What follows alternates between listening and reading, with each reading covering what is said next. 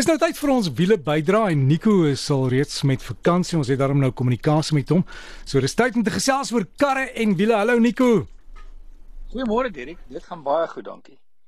Ons praat vanmôre oor die korrekte bestuursposisie en hoe om jou voertuig op te stel om veiliger veiliger te wees, jou jou kar beter te kan beheer en natuurlik baie meer gemaklik te wees wanneer jy op die einde van jou bestemming uitkom.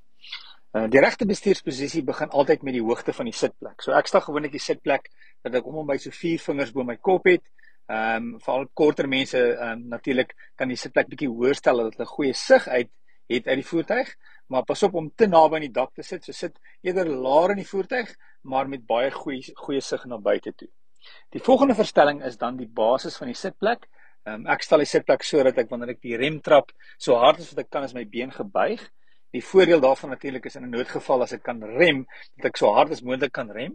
En dan andersins as ek die koppel intrap wanneer dit 'n handrat voertuig is, ehm um, moet my been gebuig wees. Dis ook ehm um, vir veiligheid in geval van 'n 'n botsing van voor, is dit beter as jou bene bietjie gebuig is om die energie te absorbeer in plaas van reguit bene ehm um, wat moontlik dan skade kan kan maak aan jou bene. So stel die die sitplek vorentoe en agtertoe dat jy lekker gemaklik sit.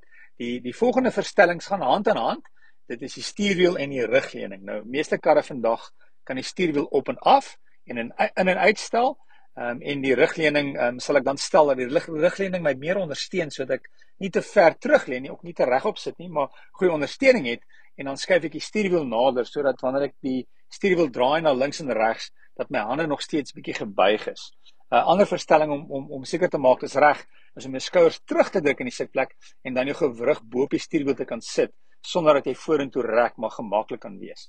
Ehm um, dis maar gebaseer op 'n op 'n amper 'n resies posisie. So 'n resies kar is mens geneig om baie naby aan die beheer aan die kontroles te sit om die kar te beheer as hy gly. Ehm um, op die pad skuif ons dan 'n bietjie verder weg, maar jy het nog steeds nodig om nie aan die stuurwiel te hang nie, veral om 'n draai. Wil jy nie hê jy hang aan die stuurwiel nie, maar jy wil meer ondersteun word deur die sitplek. Onthou ek natuurlik die lugsak ehm um, het 'n redelike spasie nodig, so die verstelling van 'n lugsak af is gewoonlik so om en by 'n skoollineaal, so om en by 300 mm. So maak seker dat jy nie op die stuurwiel sit nie. Dit is natuurlik baie makliker vir langer persone. Uh vir korter persone is dit natuurlik partymal nodig om bietjie nader te skuif, maar onthou, laat altyd bietjie spasie weg van die stuurwiel om die kar te beheer en spasie vir die lugsak. Ehm um, ook natuurlik niks by jou voete nie. Ek sien baie maal ry mense of nie baie maal nie, maar dit gebeur dat ek gesien het mense het byvoorbeeld handsakke daar of sakke daar of hulle trek self hulle skoene uit en los dit by hulle voete.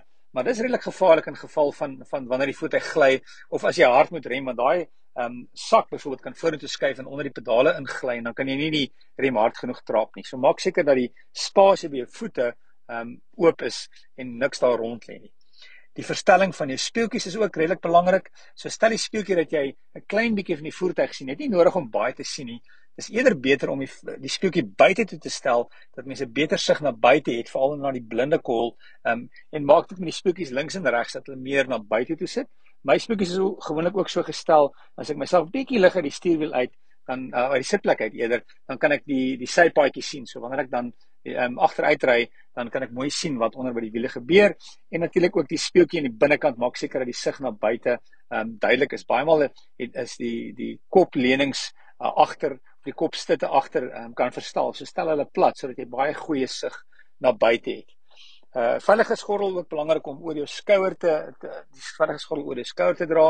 Ek het al gesien baie maal dra mense vir voel hulle dis meer gemaklik om die veiligheidsgordel onder hulle arm te dra.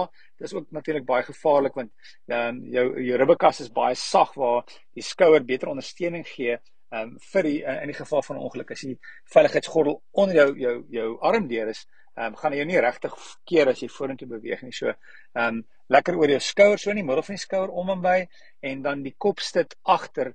Ehm um, stel hom om en by die bokant in um, in in lyn met die bokant van jou kop. En dis weer eens vir Engels praat hulle van whiplash.